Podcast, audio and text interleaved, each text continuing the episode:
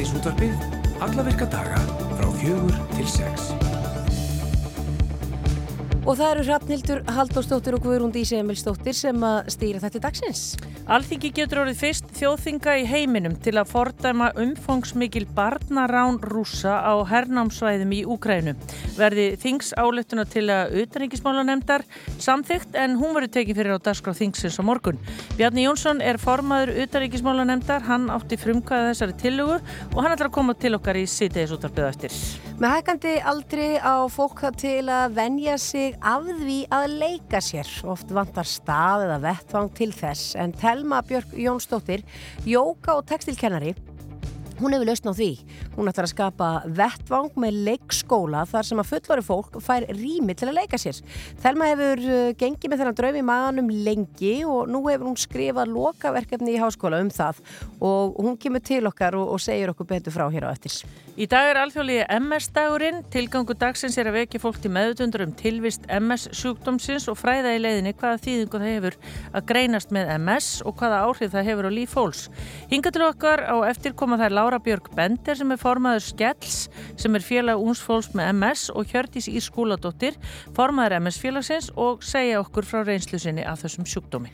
Gíja Holmgeistóttir verður hjá okkur, hún skrapp út á uh, flugvöll á Akureyri og spjallaði þar við uh, Baldvin Sigursson í flugkaffi sem hefur uh, bóði flugvallagestum upp á veitingar í heila, hvað, heila tvo áratug eða svo. En nú er komið að tímamótum, nánar af því síðar í þettinum. Og svo er það gönguháttið sem er haldinn í Reykjavík þriði árið í röð, hefst einmitt í dag og það verður bóðið upp á fjölbreytta göngur í Reykjavík og nákvæmni og það sem meira er, það kostar ekkert að taka þátt. Það er göngufélagskapurinn Vesin og Verkangur sem stendur fyrir þessari háttíð og aðal kallin þar er Einar Skúlásson og við viljum að ringi hann. Hann er ábyggilega upp á ykkur fjalli og eftir þegar við ringjum. Það er alla líkur á því. Já. Það er kannski ekki neitt ægilega hugulegt veður hér á söðu landsins en það er komið sumar á Östurlandi. Á línu hjá okkur er Haldur Warren og hann er statur í tehúsinu á Egilstöðum. Kondur sætlu og blessaðu Dóri. Já, sælar. Það ætlu aldrei hægt að tala hana. Vita, við erum að halda þér já, úr sólinni, þetta er ekki gott. Við erum að ringið í heimasíma, þannig að það er ekki, þú getur ekki fara með hann út og verða að sóla þig á meðan. Nei, það er bara, það er kaldar einni, það er eiginlega betra sko, þannig að þetta er bara mun betra ástand hérna með einn sko. Já, hvert er hýtast í hjá þið núna? Úti? Já. Ég veit það ekki, það er bara heitt. ég, það gefur nú eitthvað en að 15 gráður eitthvað, ég sé það bara ekki alveg. Nei, og það er heið skýrt? Já, já, já, það er nefnilega ekki alveg heiðskýrt, það er svona, já, það er svona smá, smá í loftinu sko. Já. En hvernig er þetta búið að vera síðustu dag? Já, bara mjög gott, það er náttúrulega heitt sko, það er bara heitt, heitt, heitt sko, en það er ekkit endilega sól, sólinn alltaf á lofti sko, en hún er svona glettið sín á milli og ég veit ekki hvernig það væri ef sólinn fengi að komast í gegn. Nei. Eru ferðarmenn fattir að láta sjá sig? Já, það er búið að vera bara mjög fínt sko, bara allir mæ, myndi ég segja sko, og svona gengur á með svona, já, ups and downs en það er náttúrulega aðalega ups núna fyrirst vera sko. Já, og fólk er til í að fá sér teð og sér svona heitt? Já, það er bara ís teð og svo náttúrulega erum við með ódýrasta granabjörn á landinu þannig að, þannig að það er bara svo leiðis. Þessi komið því að líka. Já, já, það eru þetta teð fyrir marga. já, já. Já. En hvernig er það Dóri að því að ef að stefni nú í það, þarna verði enn eitt uh, þrjusu sumari þar sem að er bongoblíða allt sumari og þið fáið alla Íslandingana ofan á, á túrismann. Er þetta fagniði fyrir austan þegar svona er eða er þetta eitthvað sem þið kvíðið? Það verði bara bröðlust í bónus og ekkert þetta fá í netto og verði vöruskortur á Östurlandinu? Þetta verður bara, þarna, það er nóg nó landrými hérna, þannig að það verður bara, menn verður að koma bara með húsin með sér, því ég held að sé basically bara upphandað uh, allt gistiploss hérna fyrir austan, á þess að ég veit ná, nákvæmlega hvernig það er svona í, í aðnum, sko. Mm. En, en því... Þannig að, en í, það, jú, jú, ég meina það er bara, það verður bara núna, maður, maður fer bara í að þrjúta miðugvita þegar komið aftur, sko, eins og, eins og, og minnist á, sko, að það náttúrulega tæmist allt inn í bónus og þetta er svona eins og menn áttur sér ekki alveg á, á hérna, hvað er að gera sérna meginn á landinu. Sem að stjórna, stjórna vörunni, vörunum. Nei, og svo sínist manni þegar maður horfir hérna á viðurspóna að það er bara, og ef eitthvað til, sko, þá verður, það er allavega sól á morgun, segja þér hérna á viður.is og svona hlýtt. Já, sko, ég, þó ég segja að sé skýja, þá er það náttúrulega, það er 20 stíð úti, ég fór bara út á hann og þá sá ég bara ég þurfti nú bara að fara inn sko, ég ætlaði að tala við ykkur sko, þannig að annars myndi líða bara yfir mig. Já. og maður, það sem maður er að gera núna er bara að tjekka öllum tækjum og kælum að því að þeir hafa talað um það hérna, þeir sem er að selja kæla hérna austur, hér og austurland þá, þá þurfum við bara svona uh, kæla eins og þeir eru að selja á spánu og svona sko, það, þeir eiðileggjast fyrir hérna megin sko Já, hérna, hérna, það munar ekki hrókan sko. Það er ekki að flæja á manni, þetta er ekki gaman, þetta er ekki gaman mál Nei, nei, þetta er ekki grín. En hvernig, hvernig er það? Eh, hefur verið ópið í sundlauginni og, og svona, eða eru verkföll að býta? Það var nú eitthvað loku, já, já, það var náttúrulega svo náttúrulega mjög bæðið með sundlaugin og vök og, og, og þarna, að, það var lokað í síðustu viku, svona eina viku bara að gera sig klára fyrir fyrir, fyrir suma trafikina og geta verið að klára þessa luti núna og þetta, svo maður lendir ekki allt í skrúinu þegar, þegar, þegar allt orðið pakkað hérna sko. Já. Dormir, við ætlum ekki að halda þig lengur á línunni, við ætlum að fara að hleypa þér aftur út. Uh, þú veist bara hvernig þetta er, þú ringir náttúrulega úlva tímanum að ég á að vera að sækja henni fimmleik og þú er ekki annað að slökka bara símanum og þannig að ég byrð bara að helsa í bæinn. Já, takk kærlega fyrir að gefa þér tíma að vera á línu, við byrjum að helsa austur. Alltaf fyrir þig og ykkur, bæjá. Já, það er ekki ljöst við að hann væri gleði í röttinu þannig og mér sýnist eins og ég segi, við förum auðvitað hansi betru veðrið á eftir en þetta lítur freka vel út hátan fyrir austan, er, eins og ég segi, það er svo háar tölurnar, Já, það er 19 gráður hérna á yfirstæðaflugulli á, á fymtudag og, og förstudag og vá, þetta er bara, en það eru líka, það er mjagast upp hérna hjá okkur líka. Jú, jú, ha? en þetta er ljúft og eins og það sem að, að, að Halldóri er með teósið alveg við tjaldsvæðið, Já. þannig að þarna, þarna er líf og fjör. Já. Já, já. Það verða allir konur austur um helgi. Það held ég.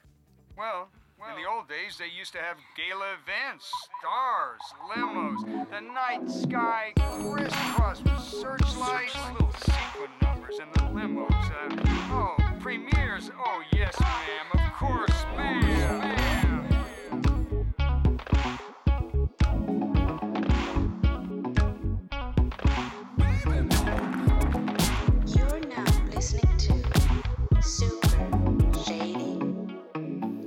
Fjólublatt flögl Þú vil finna þig og sjá aðra.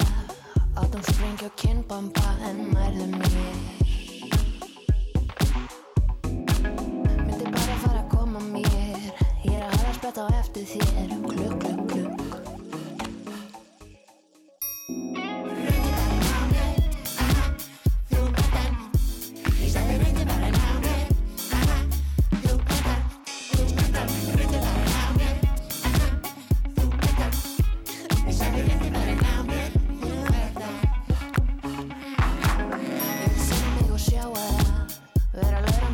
þoka stúrstirni Tölstirni Skvöldum á okkur skákana Tökum við drátt og hraðbanka. Og nógu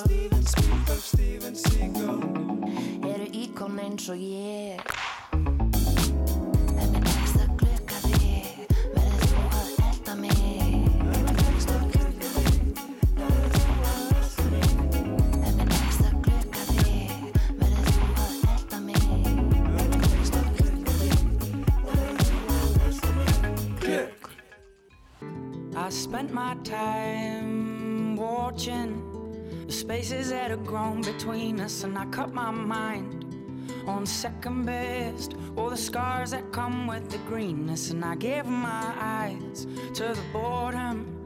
Still, the seabed wouldn't let me in, and I tried my best to embrace the darkness in which I swim. Now walking back down this mountain, the strength of a turning tide. Oh, the wind's so soft at my skin. Yeah, the sun's so hot upon my side. Oh, looking out at this happiness I search for between the sheets. Or feeling blind to realize all I was searching for was me. Oh, oh,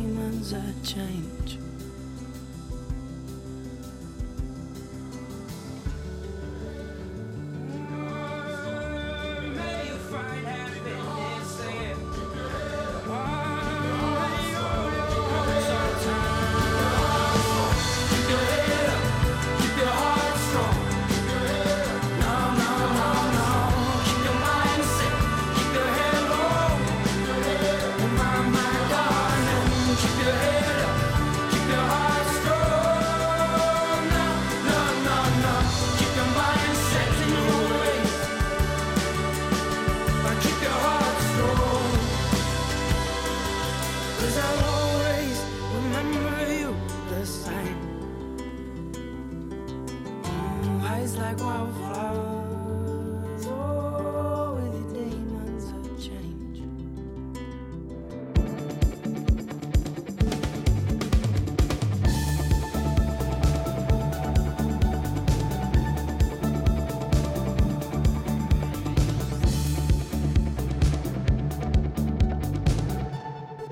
Alþingi getur orðið fyrst þjóðþinga í heiminum til þess að fordæma umfangsmikil barnarón rússa á hernámsvæðum í Úgrænu verði þings álíktunar tillega utaríkismálunemdar samþygt en hún verður tekin fyrir á Daskráð þingsins á morgun. Bjarni Jónsson, formaður utaríkismálunemdar, hann átti frumkvæði að tillögunni og hann er hinga komin, velkomin. Já, takk fyrir. Ef þú segir okkur aðeins Bjarni bara frá, já, forsögu þessarar tillögu. Já, eins og við bara því miður hefum hort upp á á undanfjöndum ánum með missurum þá er innrás rúsa í Ukraina að taka á sig ymsar hræðilegar myndir og nýja myndir og, og uh, við höfum sérstaklega verið að taka eftir þessa að undanfötnu sem að það er, við erum með mikið af börnum sem eru jafnvel búin að vera að missa fóröldri sína út af þrýsáttökum eða hafa búið að handaka þau eða, eða, eða hvað, hvað, er búið að gera við þau eða orðið viðskili vætti ekki sína og, og, og bara sitt fólk.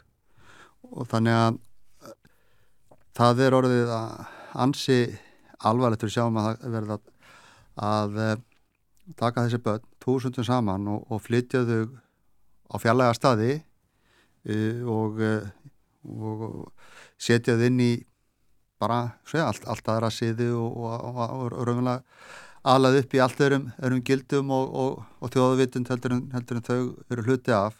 Og mörg þessara batna eiga jæfnvel fóröldur á lífi og mögulega vita það ekki eða ég hef sagt að þeir vil ekki með þau hafa eða hvernig það er og, eða þá ættingja eða, eða fólk sem maður myndi sannlega vilja að hérna, hugsa um þau. Og, og þetta er bara eins og við þekkjum við öllust upp í ákveðin þjóðavitund, í ákveðin menning og gildum og í samfélagi sem að bara mótar okkur og gerur okkur að því sem við erum þannig verður það röfnilega þá að taka þessi börn og, og bara rífa þau upp með rótum að gera það eitthvað allt öðru heldur þið eru og vera leiðin að verða. Nógu náttúrulega hvað að vera að ræna frá þau sinni framtíð með, með þessu strísátökum en líka hreinlega að bara rauðinlega fara með þeim með þessum hætti og, og, það verða að, flytja þau til eh, hennundusöðana í austur Úgræðinu það verða að flytja þau til Belarus eða til Rúslands og uh, það skiptir það líka miklu máli að bara að geta fyllt eftir hver eru þessi börn, sapna upplýsingum um það þannig að það rýður á núna að til þess að geta haft upp á þeim síðar uh, jafnvel það verða að verða frekar tækifæri til þess að endurhemta það saman að fjölskyldu sínu og sínu fólki að uh, geta fyllt í eftir og jafnvel þó að rúsnistjórnl sé ekki samfunutíð í dag með það að, að uh, þá verður allt gert í þessum öfnum og alþjóðstofnarnir komi að þessu svo hægt er. En er bara rétt að hún heldur áfram, er eitthvað fylst með þessu nú þegar? Þú veist, er, er eitthvað bókald? Já, já, það er verið að reyna það og ógræðin er að halda utan um þetta fyrir sitt leiti og, og einhver alþjóðarstofnanir, það skiptir mála að Rauðukrossin kannski beitir sér ennþá frekar í sem efnum sem hefur vissilega að, aðgengi inn á þessu svæði e, hérna í Rúslandi og, og, og hennundu svæðin. E, en það er alveg grundatar allir að það sé strax spurðist og auðvitað bara mótmált og reynda að stöða þetta og benda að þetta séu líka að setja endurhenda þessi börn heim og, og auðvitað vilja menn sem náttúrulega síðan sjá, sjá bara þá sem á, ábyrðina bera hérna axla það ábyrð mm. og því þetta er bara hræðilega hlutir sem þarna verða að gera og ég held að við getum öll tengt við hvað þarna, hvað þarna á sér stað og hérna þannig að alþjóð samfélag hefur svona verið að vakna í þessu. Úgrænum en hafa verið að vekja aðtikla á þessu og reynda að halda utan um það. Og, og já, kem kannski aldrei andan á þessu að hérna við sáum núna í lok april svona tímumóta álöttun í Örubrástinginu eh, um að, um að þetta brotna barnana væri strísklæpur og uh, það var, það stóð allt yngið að því þetta var svona með tákurastund og samstæðan sem þar var og ég tók þátti þeirri umræðu og, og alltakaríslum og hérna og fórsetafrúin, Mrs. Selenska tók þátti í umræðinu líka og svona var fylgdi fylg þess eftir með, með sínum þingmönnum og okkur tók síðan líka og ég bara, bara hæla okkar fólki út í ríkisræðanundinu og fórstisráþara að uh, hafa komið þessu líka inn í, í þessar undirskriftir sem styrist um tjónarskrona sem var, var skrifið upp á á leitofundinum að það var settur settur kapli inn þar eða var það í brotna bannana uh, sem var ekki kannski upphöluðum draugum en, en, en e, bara fór þar inn og, og var kvittað upp á það að þessum þjóðum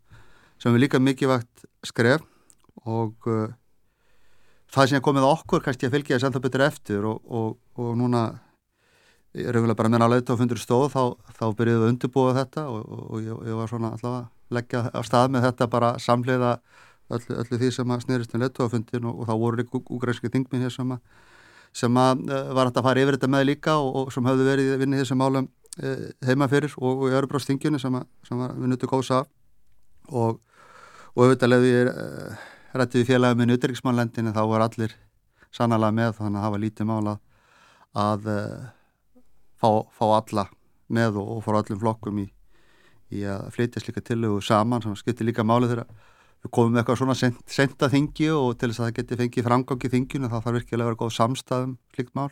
En hvernig getur Ísland verið einhvern veginn í farabróti þarna? Ég til dæmis bara með því að við stígum þetta skref núna og, og, uh, og þá erum við fyrirmynd annara og uh, veit að það er að þau horfa til og, og hérna og ég syndi ukrainsku þingmörum til hún þegar hann var, var komið til dreifingar á, á föstudagi, var, var að funda með út í, í Ríka og funda þetta á föstudag. Og þau sjá fyrir sér að, að geta sér að nýtt þetta til þess að þrýsta á fleiri þjóðþing að gera það sama á við. Mm. og þannig ég veit að þau munu gera sér mikið skil, þau, þau vilja vera með þetta ennsku, þau munu þýða þetta ukrainsku og þau munu virkilega bara nýta sér það. Og við höfum náttúrulega áður tekið frumkvæði sem hefur skipt máli eh, eins og verðandi fyrstu þjóðin sem að stutti sjálfstæði Litáin, Íslands Lettlands og fyrir, fyrir meirinn 30 ára síðan og Kroatíu fyrir meirinn 30 ára síðan. Þannig að við hefum alveg oft stíið svona kærkmikið skref í þessum efnu og við erum náttúrulega bara Ísland og við erum ekki með hér en við erum að gera það sem við getum í að stiðja, við, við eh, Ógræn og, og við getum gert það meðalans með þessum hætti að hjálpa þeim í, í þessum máli. Já. Já. En hvernig, maður veldi fyrir sér hvers vegna hafa ekki þjóðþing annara þjóða komið fram og fordæmt þetta? Af hverju ekki? Það er bara erum mis fljótið til og svo eru mikla, mikla hefðir í mörgum þjóðþingum með hvað er látið framkvæmdarvaldin eftir og, og hvað þjóðþingin er að gera sjálf þetta er til dæs mjög sterk uh, hefð á Norðurlandunum að, að þjóðþingin er ekki að áletta sérstaklega með þessum hætti mm.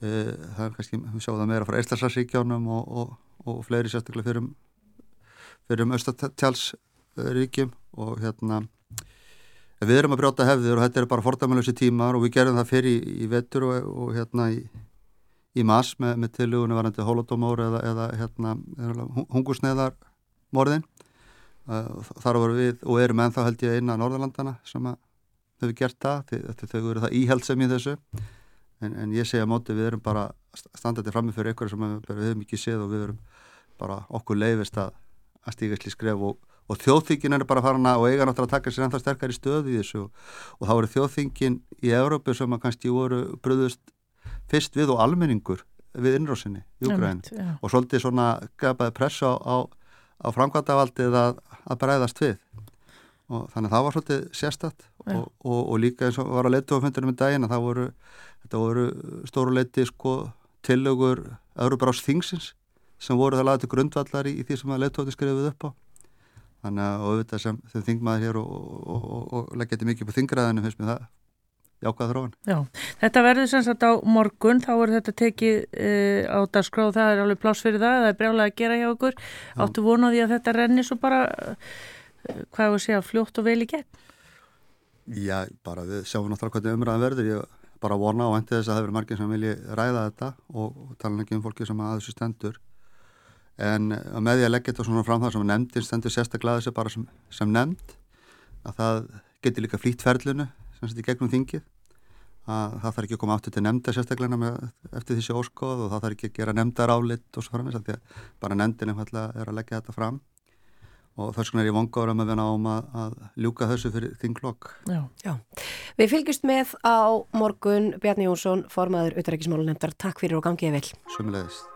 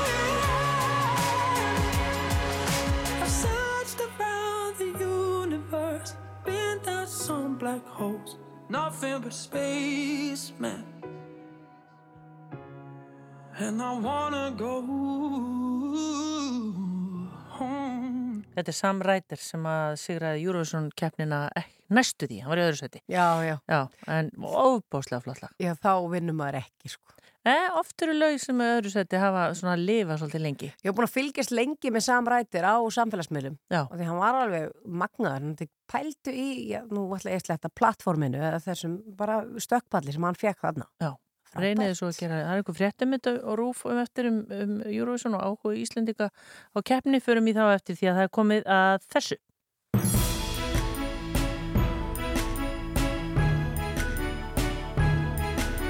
Og þetta þýðir náttúrulega bara eitt að við erum komið með okkar konu að norðan og hún er nú komin bara til okkar hérna í hljóðstofu í efstaleiti, Gíja Holmgjastóttir, velkomin. Takk fyrir, takk.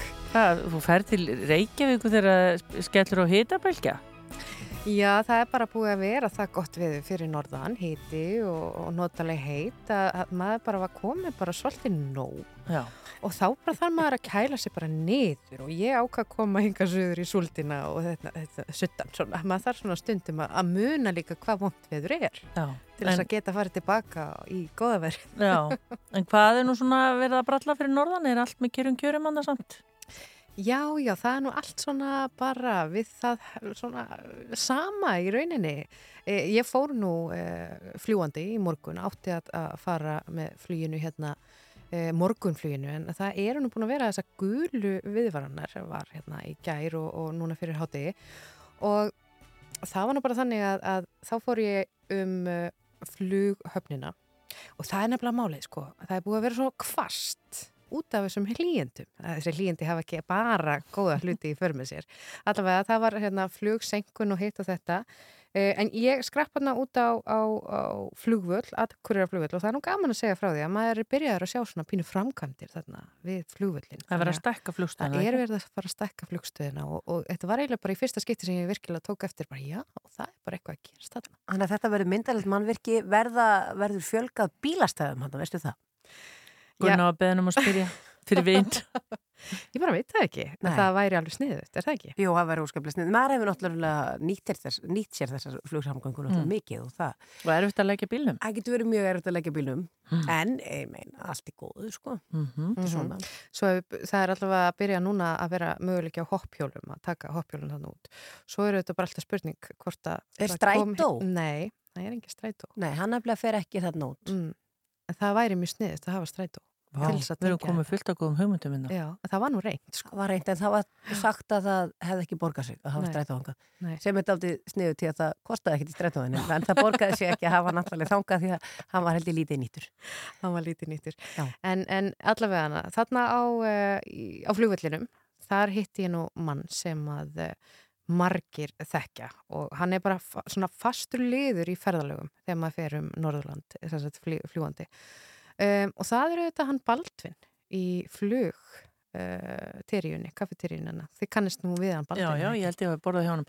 Hann er annarkort rosa annarlaður eða rómaður fyrir kleinurnar eða er það ástapungu. Það er eitthvað rosa gott hann að bakka elsi. Allt saman æðislegt hjá hann. sko gott. Ég fekk mér svoðibröð á leiðinni, það var æði hangikjöti, þetta er bara og það er, það er líka nóg magna smjöri hann er ekki að spara smjöri sko. En það er ekki með- of mikið líka Hann er líka verið með það er- Pönnukökurnar eru rosalega Já. góða Ég smakkaði nú ekki kleinurnar en ég drakk hann að kaffi líka og það er alveg kunst að hella upp og gott uppáhald bara svona, og það var alveg sóma kaffi en ég rætti líka við hann ég fekk að kíkja bakvið hjá honum og heyra það það.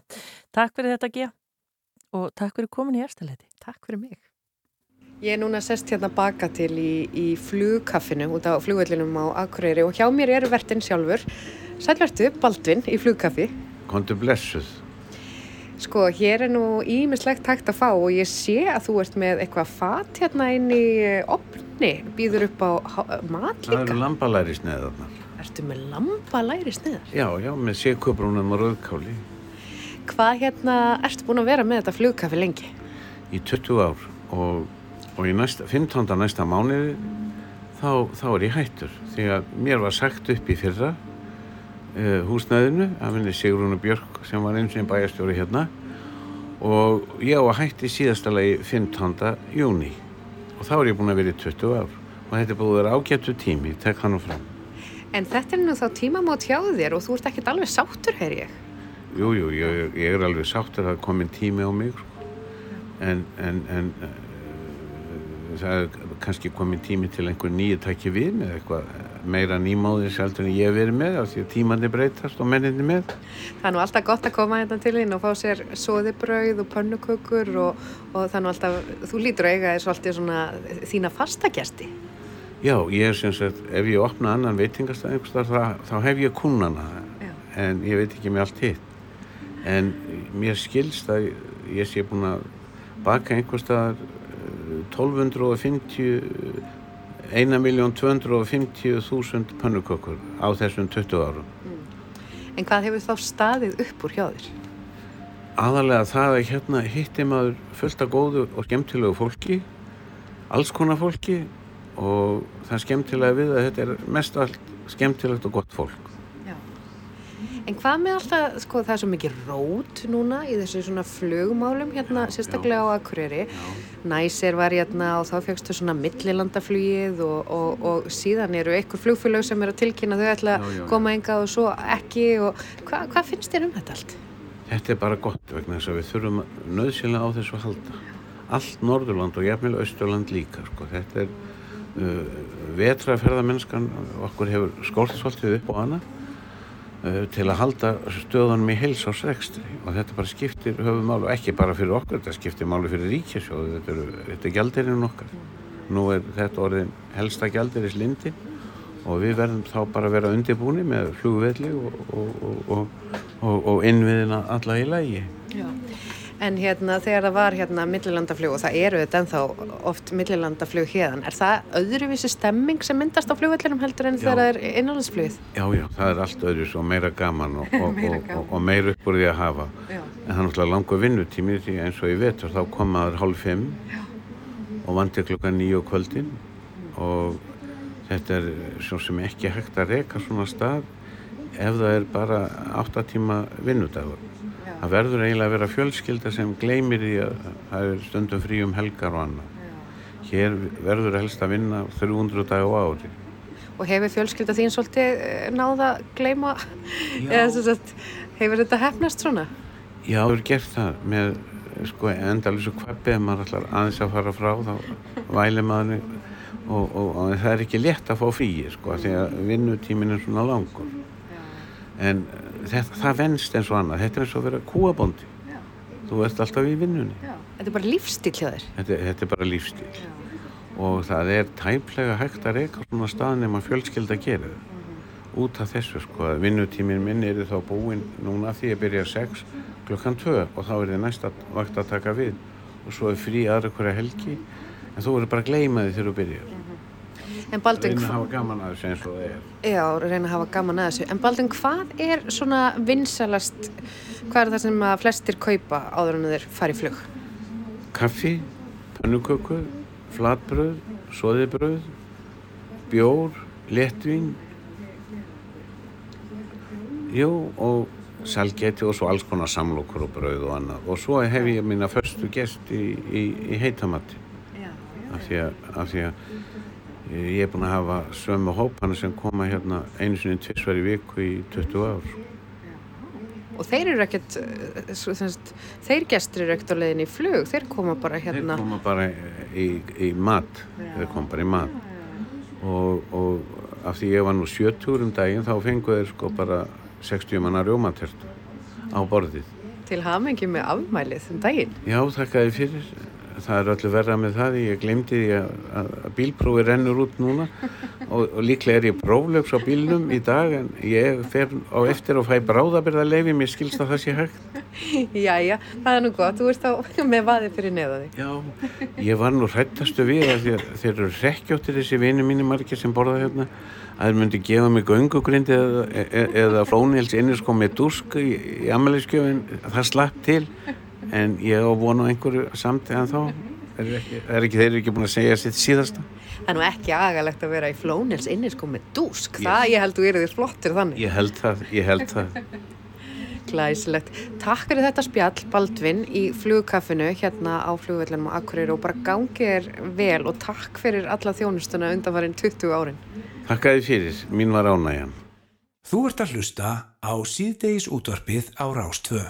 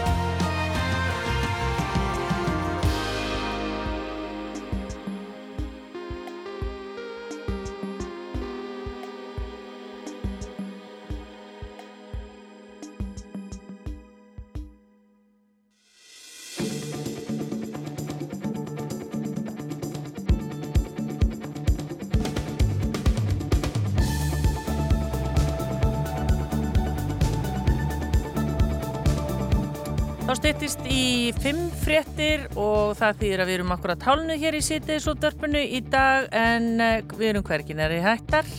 Nei, nei, nei, það er alþjóðlegi MS-dagurinn í dag og við ætlum að uh, fræðast um þann sjúkdóm hér á eftir þegar við fáum tvær góða góri til okkar. Einmitt það, við ætlum líka að heyra af leikskóla fyrir fullorðið fólk.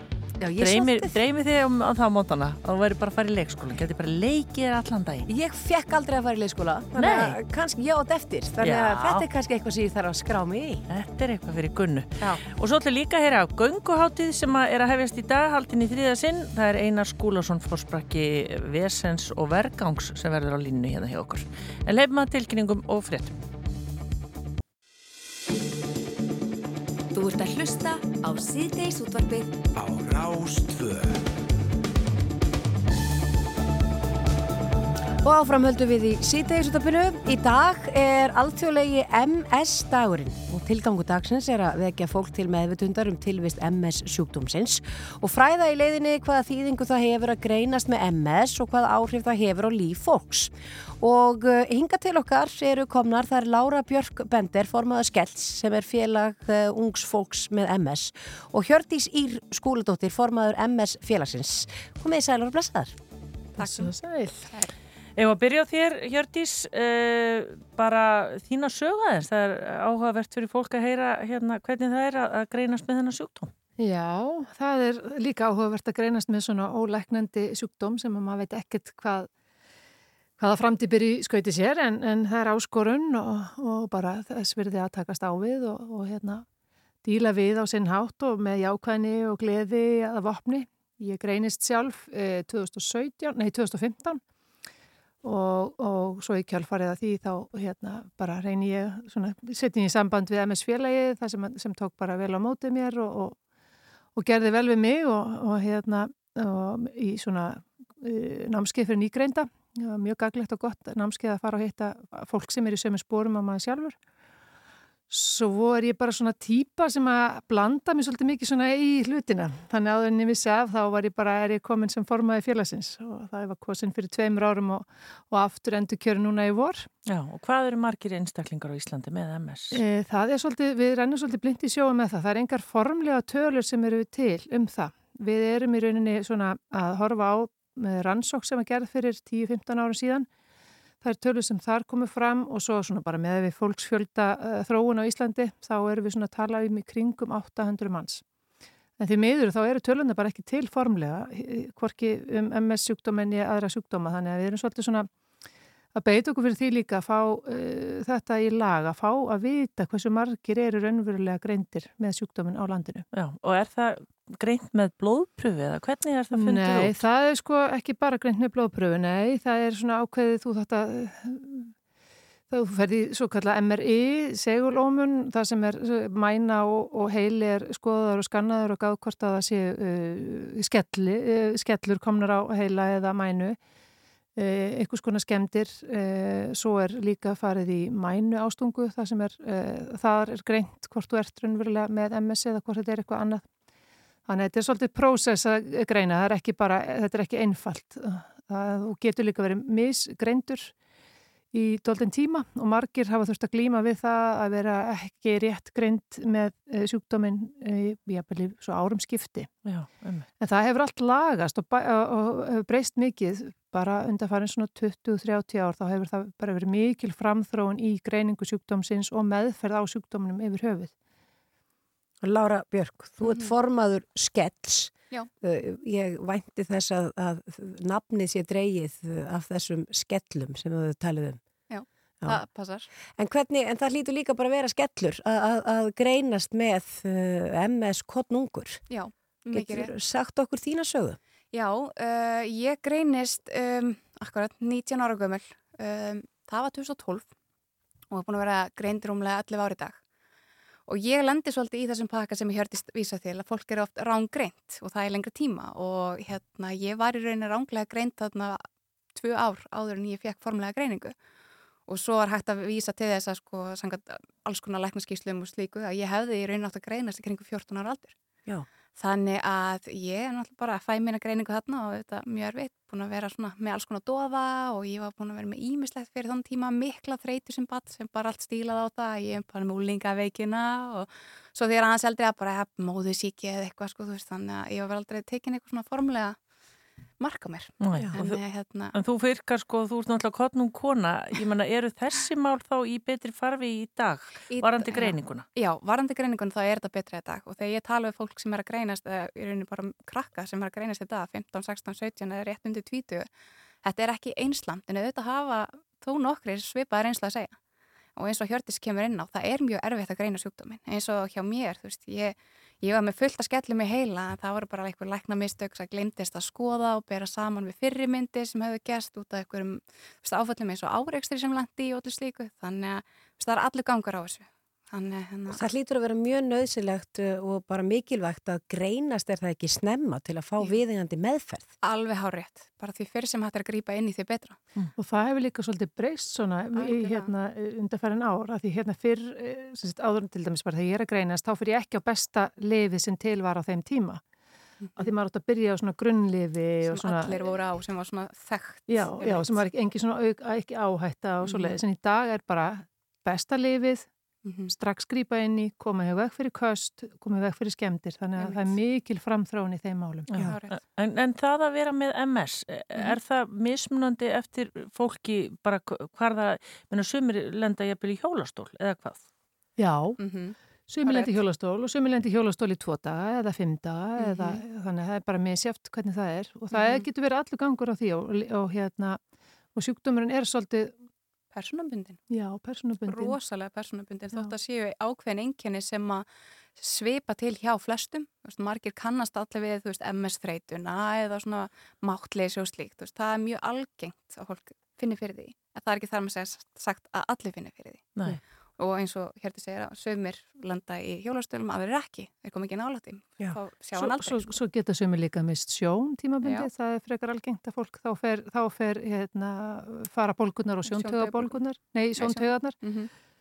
Þannig að þetta eru þessi köst sem að þarf að reyna að koma í veg fyrir því þau skemma út frá sér. Þau geta Mhm. skemmt út frá sér, þau geta myndað ör og Mhm. þau eru ekki, þau, þau eru ekki eftir að laga, en, Nei. þannig að þá er þau bara komin til að vera. Já. Þannig En að við viljum gera allt til þess að koma í veg fyrir köstin, en svo er líka til önnur tegund sem er ekki kastaform Mhm. og það heitir svo síversnun og þá bara svona versnar í rauninni heilsunni eða getan, hún bara minkar og minkar. Já, já, já. og það er því miður ekki til neinn lækninga að lif til þess að koma til að stöðva framþróun í því ennþá en það er mikil rannsóknar vinna í gangi á alþjóðavísu í þeim málum. Já. Mhm. Það er núna, sagður okkur svona mánuður, svona vitundavakninga mánuður varðandi Mhm. þennan sjúkdóm. Já, Og er það fyrst og fremst bara til þess að útrýma fordómum eða ég meina hvernig er að, ég meina ef að fólk veit ekki, þetta sérst ekki beint utan á fólki. Nei, nákvæmlega, það sést ekki utan á eins og, við myndum ekkit gruna það ef við, þið sjáuð okkur ekki þeir sem eru í útverfinu að hlusta við, við, við komum ekki gruna það sko. En, en það er einmitt eins og þú Já. segir að koma í veg fyrir fordóma og mikilvægt að bara sína það er alls konar fólk Mhm. með MS og, og hérna, MS getur haft áhrif og svo getur það líka haft áhrif inn á við og út á við og Algjörlega. Og hvað eru þið til dæmis að beita ykkur fyrir hjá, hérna, í, í ykkar félagi, hjá Skelli? Sko, í rauninni erum við svolítið að opna á umræðana og einmitt það sem ég hef mikið talað um sjálf er að sína fram á það að þetta er ekki þessi dauðadómur eins og margir málaði upp sem. Veist, þegar ég greinist þetta fyrir 11 árum þá var þetta rosa mikið, já, ertu með þennan sjúkdóm? Já, þetta er svona eldra fólk greinist með þetta, þú ert með svona ellismalla sjúkdóm. Ég fekk svolítið að heyra það og hérna, þú veist, það var bara viðhorfið gagvart mínu lífi voru önnur hjá fólki. Það er bara, já, æ, þú ert að fara að lenda í hólust. Þú, þú veist, ég fekk allt þetta neikvæða en fólk gerir sér ekki grein fyrir því það er alveg hægt að lifa eðlilega og góðu lífi með MS-sjúkdóminn. Þú veist, við erum að miklu betri lifjum og þú getur alveg hugsað um heilsuna. Auðvitað þurfum að díla við þessi köst og allt sem að, veist, kemur í kjálfara að þeim. En þetta er bara ekki eins og þetta var áður fyrir og við erum svolítið að reyna að brjóta þessa staðal ímynd sem er búið að byggja upp í samfélaginu og líka bara í heiminum öllum. Þú veist, við sjáum það bara í, mér finnst í kvikmyndum og þáttum að þið horfið til dæmis að House sem er eitt svona þekktasti sjúkraþátturinn þá kemur einstaklingu greindi með MS og hún er náttúrulega bara döðdæmt. Þannig er allt allir einhvern veginn, það er að viðþorg akkvart sjúkdóma í dag Já. og við viljum bara brjóta það. Já, en Hjördís, svona félagskapur, ég menna maður, ég vissi í fyrra þá var, hérna, voruð að halda gól, gólmó til styrtar félaginu, minna, hvernig eru það að styrkja við fjölskyldur eða hvernig virkar svona félag? Já, við styrkjum við, eh, við styrkjum við fólk sem að, hérna, til dæmis námsmenn sem að vilja, eh, hérna, menta sig og við erum með fullt af námskeiðum í bóði fyrir fólk og aðstætendur. Við regum eh, skrifstofu sem að, að þar kemur bæði sálfræðingur, eh, er sálfræðingur og hérna félagsrákjafi starfandi og bjóðum upp á þetta fyrir okkar fólk eh, hérna án endurgjalds til dæmis þannig að það er heilmikið svona innra starfi gangið sem að hl- hlúur svona vel að okkar fólki Já. okkar fólki með MS og, og hérna já, svo reynum við líka í svona mánuðum eins og núna að vera með svona eitthvað uppákomur og eitthvað um að vera og það er stór, við ætlum að fagna deginum á morgun með bara Mhm. heilmiklu húlumhægi og gleði í, í, í félaginu og, og ótrúlega magnari bíósýningu annað kvöld þannig að það Já, er henni. Já, það? er hérna alveg ótrúlega flott hérna uh, kona, hún heitir Lídia, em, eh, Emily, hún hérna eh, fór í samstarfið eh, hérna, leikstjóra sem heitir eh, Libby Spears, ég að ég fara með rétt eh, með. Þetta er flott, já. Já, ekki. Og hérna, það er fór í samstarf, það er svolítið langt síðan og þeirra samstarf stóð í, í tíu ár, þið veitir hvernig þetta er þegar það er verið að framlega eitthvað svona, þá klárast peningurinn og svo kemur ný Bíða. styrkur og það er að býða og þetta þessi, spannar tíu ára samstarf, þeirra, þeirra samstarf og, hérna, og það sem er verið að hún er að sína sagt bara lífkonu sem að þarf að díla bara svolítið heavy fyrir ekki að þið sletti Já. við Mhm. sjúkdóminn. Það er það sem að, ef hún er líka í bandaríkjunum, það sem er ekki sjúkratryggingar, Mhm. hún missir hérna, lífsviðværið, hún missir vinnuna og hérna hvernig hennar, Listakona líka. já hún er listakona. Með öðru sé, þú veist, mátturinn í höndum og alls konar svoleið sem hún nota til þess að veist, búa til sína list. Mhm. Hún ætla Já. að missi svolítið að því.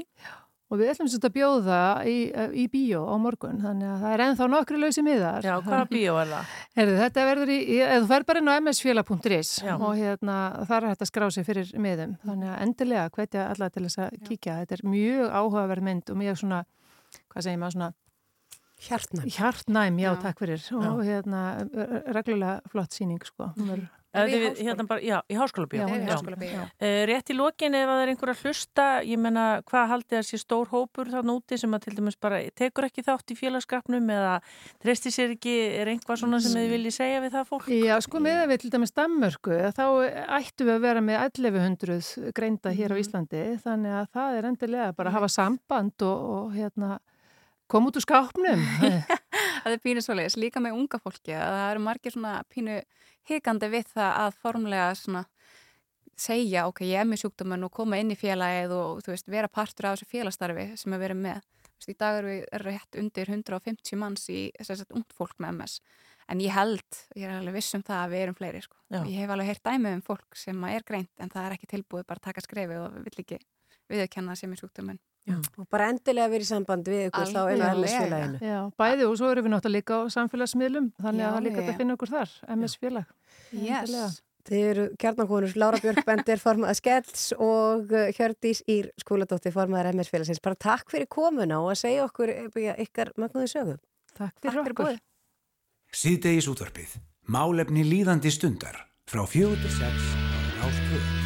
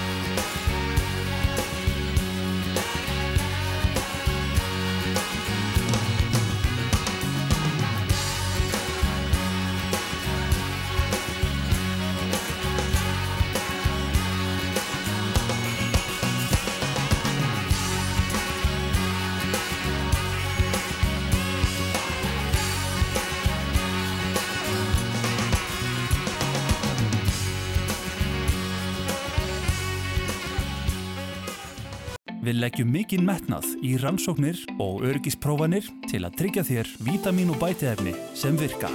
Ná, gæði, hreinleiki og virkni. Fyrst og fremst með þér á Rástföð.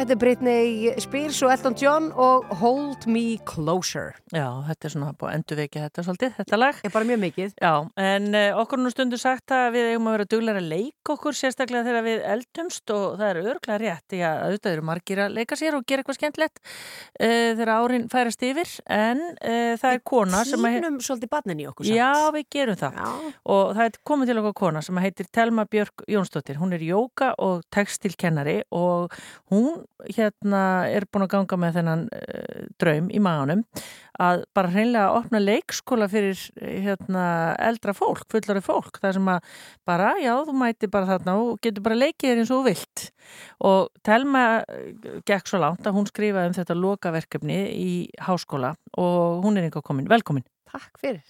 Segð þú okkur aðeins þína sögu, þú hérna bara gengum að bara með eitthvað svona, einhverja svona hugmynd í maðunum, hvers vegna? Já, er það ekki bara ellett? Jú, ég, sem sagt, ég hef kannski sagt frá þessu aður en ég, sem sagt, er búin að vera með þetta í maðunum í rúmlega tvö ár. Og ég á sem sagt þrjú börn, þrjá drengi og tvo með stuttu millibili. Og það er brjálega að gera og lítil tími fyrir mig sjálfa. Einu staðin sem maður fær frí er kannski inn á klósti. Og svo læsir maður hurðinni en það er samt bara tekið og lás og komið inn.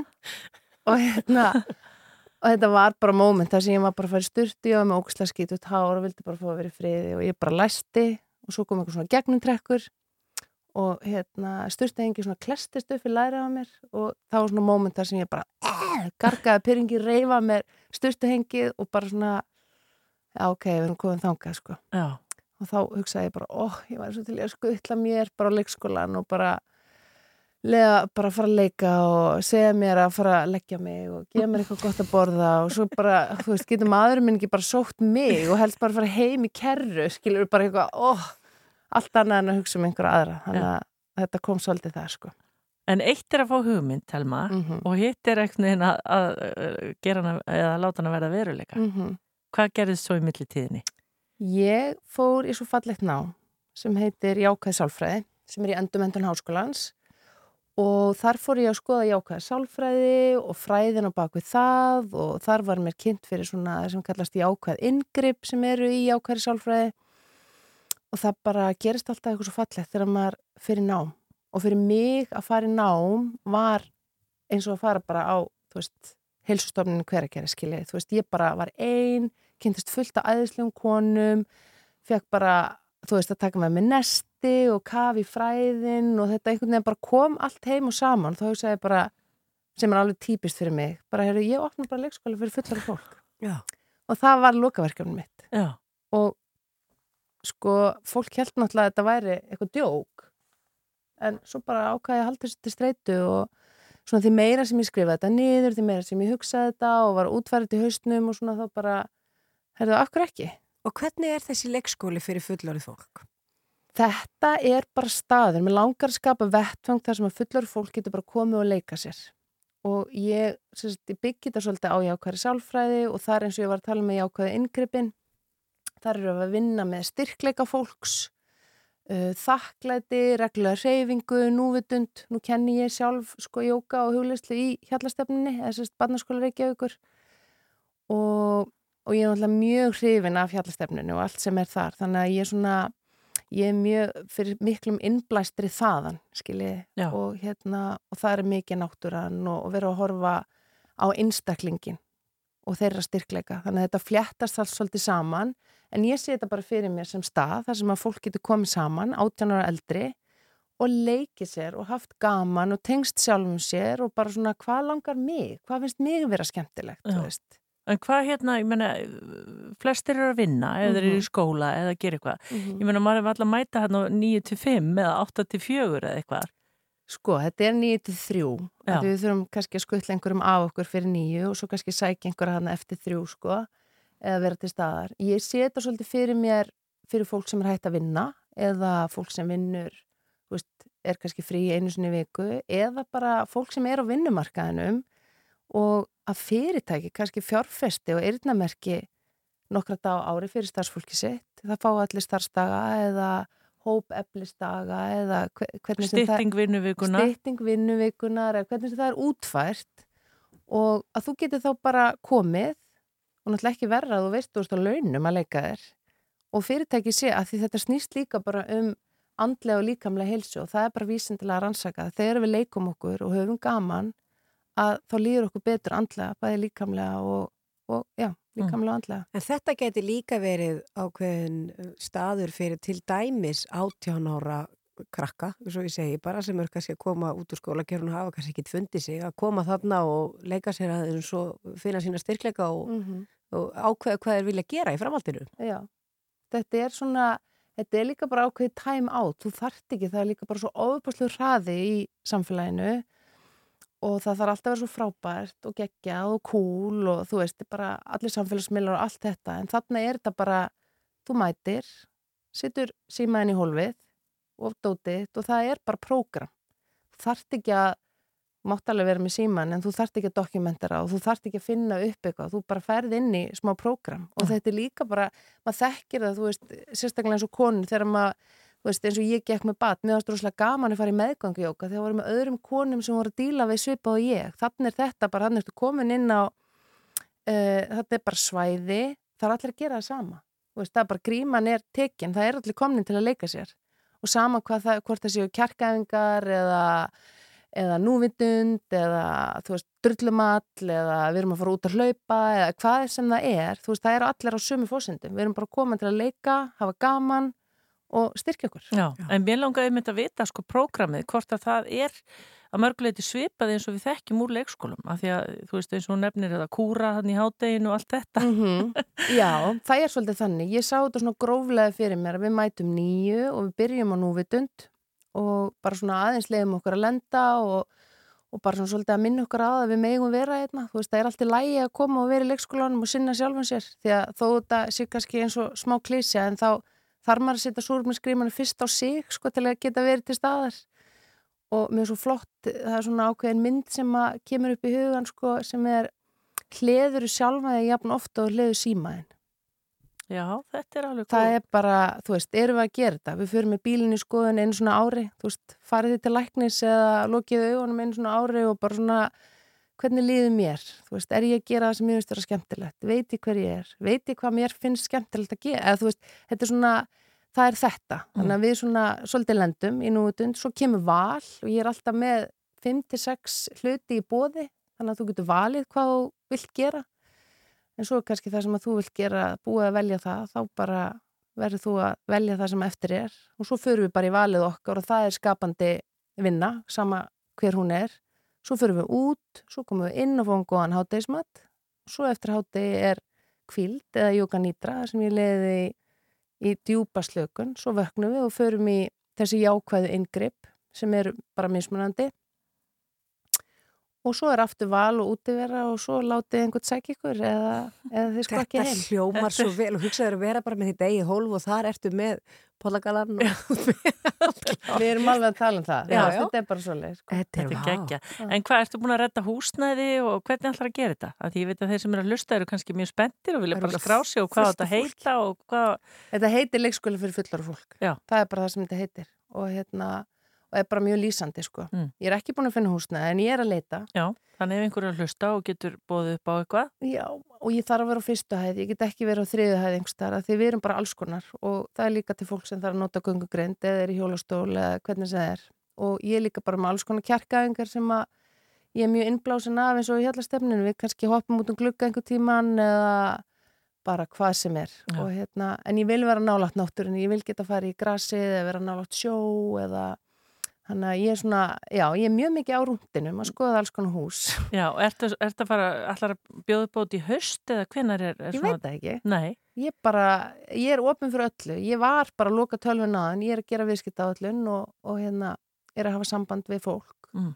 En máttu, ég menna, getur þú skráði í viku Já. eða verður að vera í mánuð eða hvernig? Nei, ég setur svolítið fyrir mig bara eins og mörg okkar eigum kort í veist, hvaða stöð sem það er, að, að þú getur líka bara að tjekka, þú veist, bara eins og mann aðtöfum hvort sé löst í jóka eða eitthvað, bara heyrði ég á, hérna, það er löst hérna á veist, ég, ég fer á föstudaginn, Mm -hmm. þá getur kannski látið líka vinkun eða vin vita bara, heyrðu, ert þú í frí á föstudaginn? Ég er sem að fara í leikskólinn, kemur ekki bara með mér. Já. Þannig að þú áttalega geta, þú veist, pantaðir í einn dag eða, eða í viku eða átt einhverja svona daga, þú veist, þú veist bara, heyrðu já, ég er í fríi þennan og þennan og þennan dag, heyrðu, ég ætla bara að eyrnamerkja þennan og þennan á leikskólan. Þannig að það þarf að vera svolítið flæðandi, sko, þú þarf ekki að skuldbinda þig í, þú veist, mánuð eða... Nei, og líka til þess að einmitt vinnuveitendu geti kannski skellt fólki að í hópefli og svona. Mhm, þetta, er, mhm. þetta hljómar alveg sjúklega vel og það er bara? Ótrúlega þetta sé ekki búið að gera þetta hér á landi. Ég er náttúrulega bara búin að fá rosalega viðbröð og ég er svo auðmjúk yfir því að því ég einhvern veginn bjóst ekkert við því að ég fengi svona aðtekli út af þetta. Þetta var náttúrulega bara eitthvað svona sem að ég hugsaði bara sem verkefni og þetta er svona einhver svona draumur sem að maður er samt alltaf búin að, þú veist, er, þetta er búin að vera alveg meðganga, sko. Og hérna, en bara ég er búin að fá eðslega viðbröð og ég er alveg með bara rúmar, ég held sér bara að vera núna tæplega 40 konur á bylista. Hvað segir? Sem eru bara að býða, ég kem, bara leið og opnar. Og það eru alls konar konur, skilur, ég menna það er, yngsta er held í tvítu og ég held að elsta sé, hún er 72 og þetta er allt svona, bara mér langar að koma í viku eða, og getur haft, er hægt að hafa sleepover, þú veist, það, þú veist, það er komin alls konar, er, getur ekki haft það í sveitin, hann við getum bara gist, þannig þurfi ekki að fara heim og þú veist, það er alls konar pælingar sem er bara ótrúlega skemmtileg. Og það bætist kannski við núna eftir þetta við- viðtal telma, en hvert Mhm. á fólk að snúa sér ef það er áhuga samt? Eða myndu bara með það sjá auglýsingu eða hvernig? Já, ég mun auðvitað mjög vel Já. þegar að vera opninu. Það má alveg hafa samband við mig og það er bara á, á hérna, bara í töluposti, sko. Já. Já. Telma Björk Jónsdóttir. Já, ég er með telma.björk at gmail. Telma.björg að gemil, þetta áttur að slá algjörlega í gegn, þetta verður algjör negla. Já. Uh, hann áttur að lengjast örglega hefði beðlist þér svolítið, þannig að þú ætti að fara að drífa það að finna húsnæði, leikskóli fyrir fullóta, Telma Björg Jónsdóttir, bara takk fyrir komin og gangið vel og við munum fylgjast með þessu. Við, við sendum, sendum út í beitnu, þó, Já. Já, takk fyrir komuna. Takk.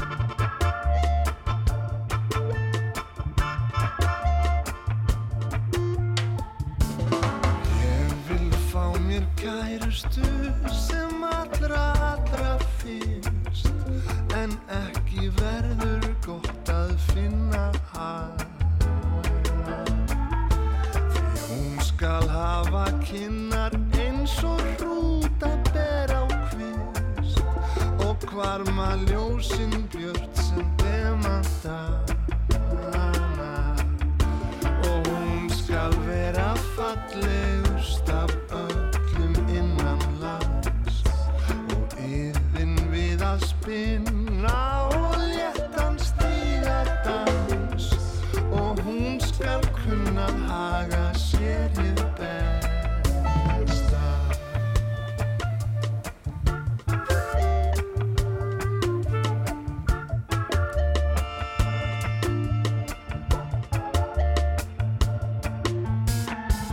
Þær eru flestar góðar meðan unnustinn er nær En oss þær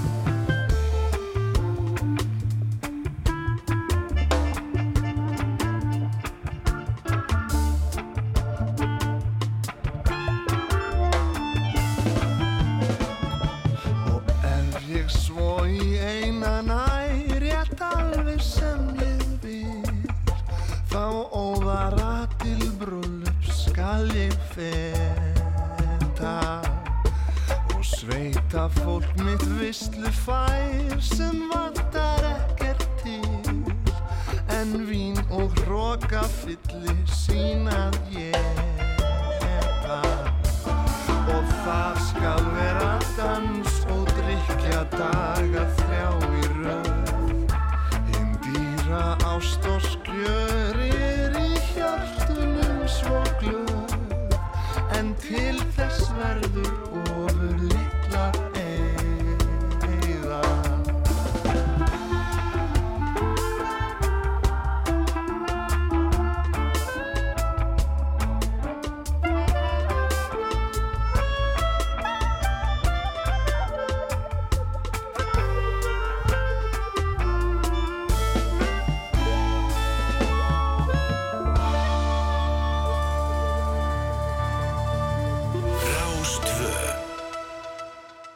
að tala um það rétt á þann að fullori fólk mætti kannski vera duglega að leika sér. Við nú náttúrulega erum við ekki alhafa fullt af fólki sem er duglegt að leika sér. Já, já. En, en oft sagt við mættum vera duglegri við það. Já, og vera svona, já, einmitt, kannski eh, setja það ofar í forgámsröðun. Já, einmitt. En sá sem hefur setta mun ofar í fórgráðsöðuna heldur en venilegt fólk er Einar Skúlason sem að er nú kentur oft við vesin og vergang og hann er á línu núna því að það er gönguháttíð að hefjast í Reykjavík og hún hefst bara í dag og Einar, þú ert væntalega á leiðinni eh, upp á eitthvað fjallið eða hvar ertu?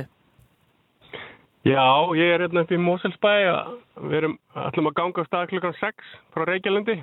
Já, og hvað upp á Fara á, hvað? á Reykjafellið og fara á Reykjafellið og Æsustafafjall, taka svona ring, skammadali líka. Já. Þú ert að taka ring, þú ert að tala um að fara upp á tvö fjöll, þetta heitur að taka einhver tíma.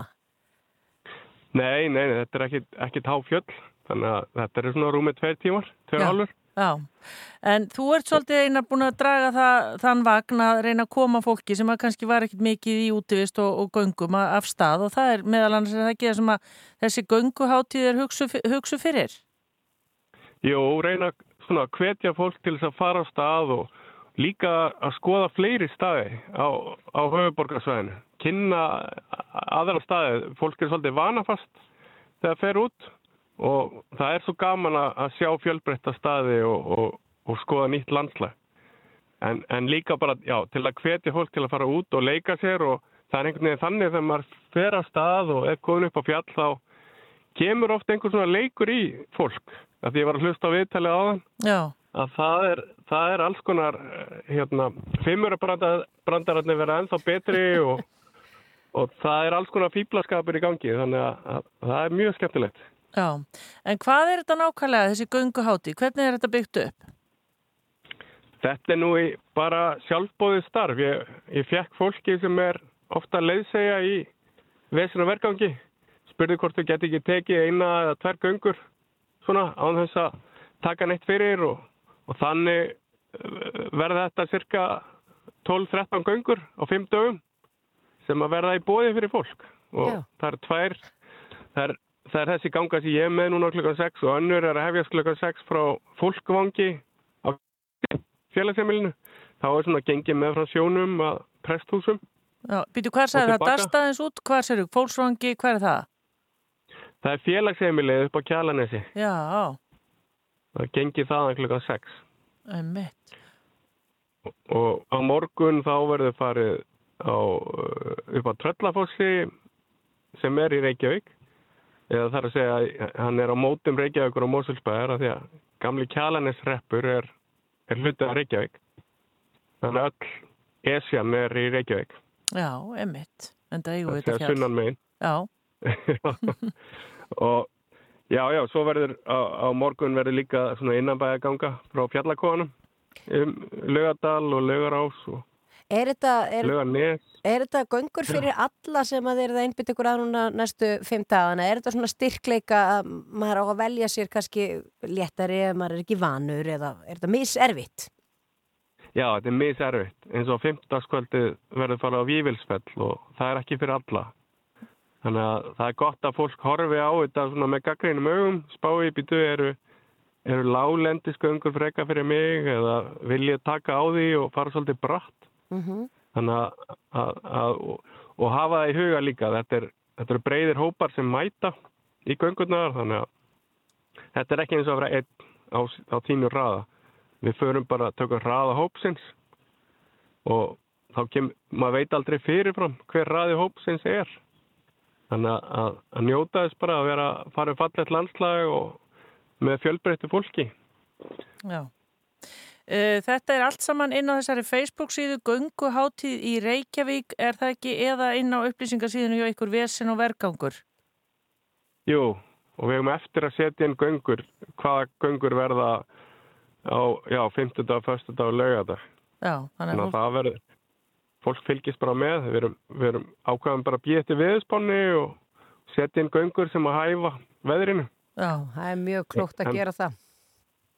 En það er, það er bara fínasta veður á höfuborgarsvæðinu núna í, í vikunni, þannig að þetta var, þetta voru kannski óþarfa áhækjur. Já, við þurfum ekkit alltaf að hafa sól einar Nei, nei, það er, það er gott að ganga í svona mildu veðri og kannski það er allt í leið átt að sé smá bleita. að Það, ef það kemur smá bleita, þá verða línurnar, sko, litirnir í landslæginu skarpari.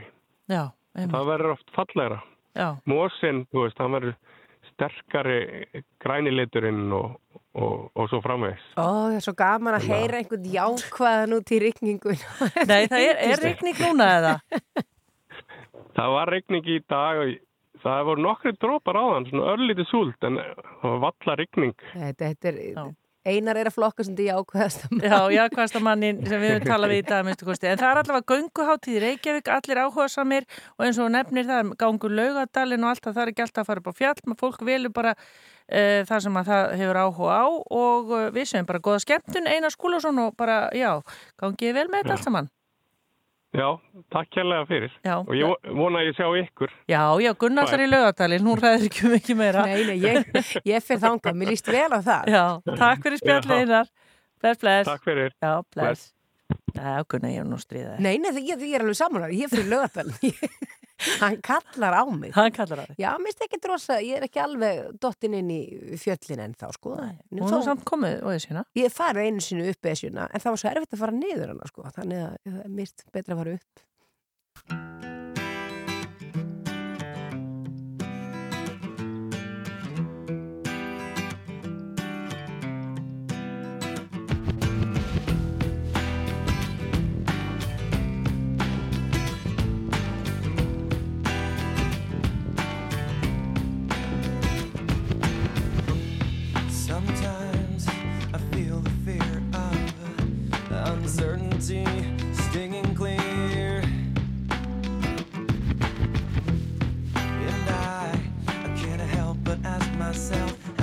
And